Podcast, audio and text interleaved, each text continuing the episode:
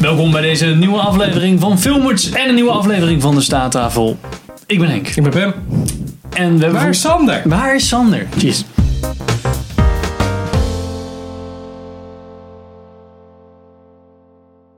Nou, we hebben vandaag 10 die of die vragen voor Pim. Ja. Dus eh, twee antwoorden en je mag ze maar één kiezen. Mhm. Nummer 1. Oh, spannend. Star Wars of Star Trek? Star Wars.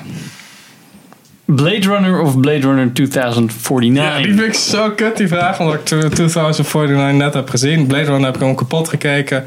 Dus dat doe ik gewoon voor longzang. Voor nieuwigheidssake doe ik gewoon 2049. Maar ik kan eigenlijk niet kiezen. Serie of film? Oh.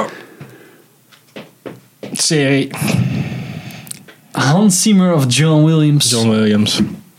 Bios of thuis? Heb ik een IMAX-scherm thuis? Nee. Maar zijn er mensen in de bios? Ja. Dus thuis.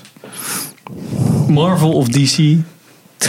Ja, dus kiezen tussen scheid of 100 euro. Dus geef mij maar 100 euro. Dat is Marvel. Yeah. 80s of 90s? Eh 90s. Indiana Jones of Back to the Future? Ah!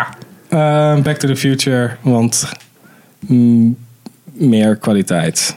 Dus geen eh, Indiana Jones 2 en 4. Emmerich of B? ja, Emmerich.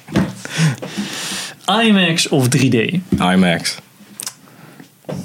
Nou, dat waren de 10 keuzes van Pim. Dankjewel voor het kijken en luisteren. En eh, tot de volgende aflevering. Shout-out to Sander.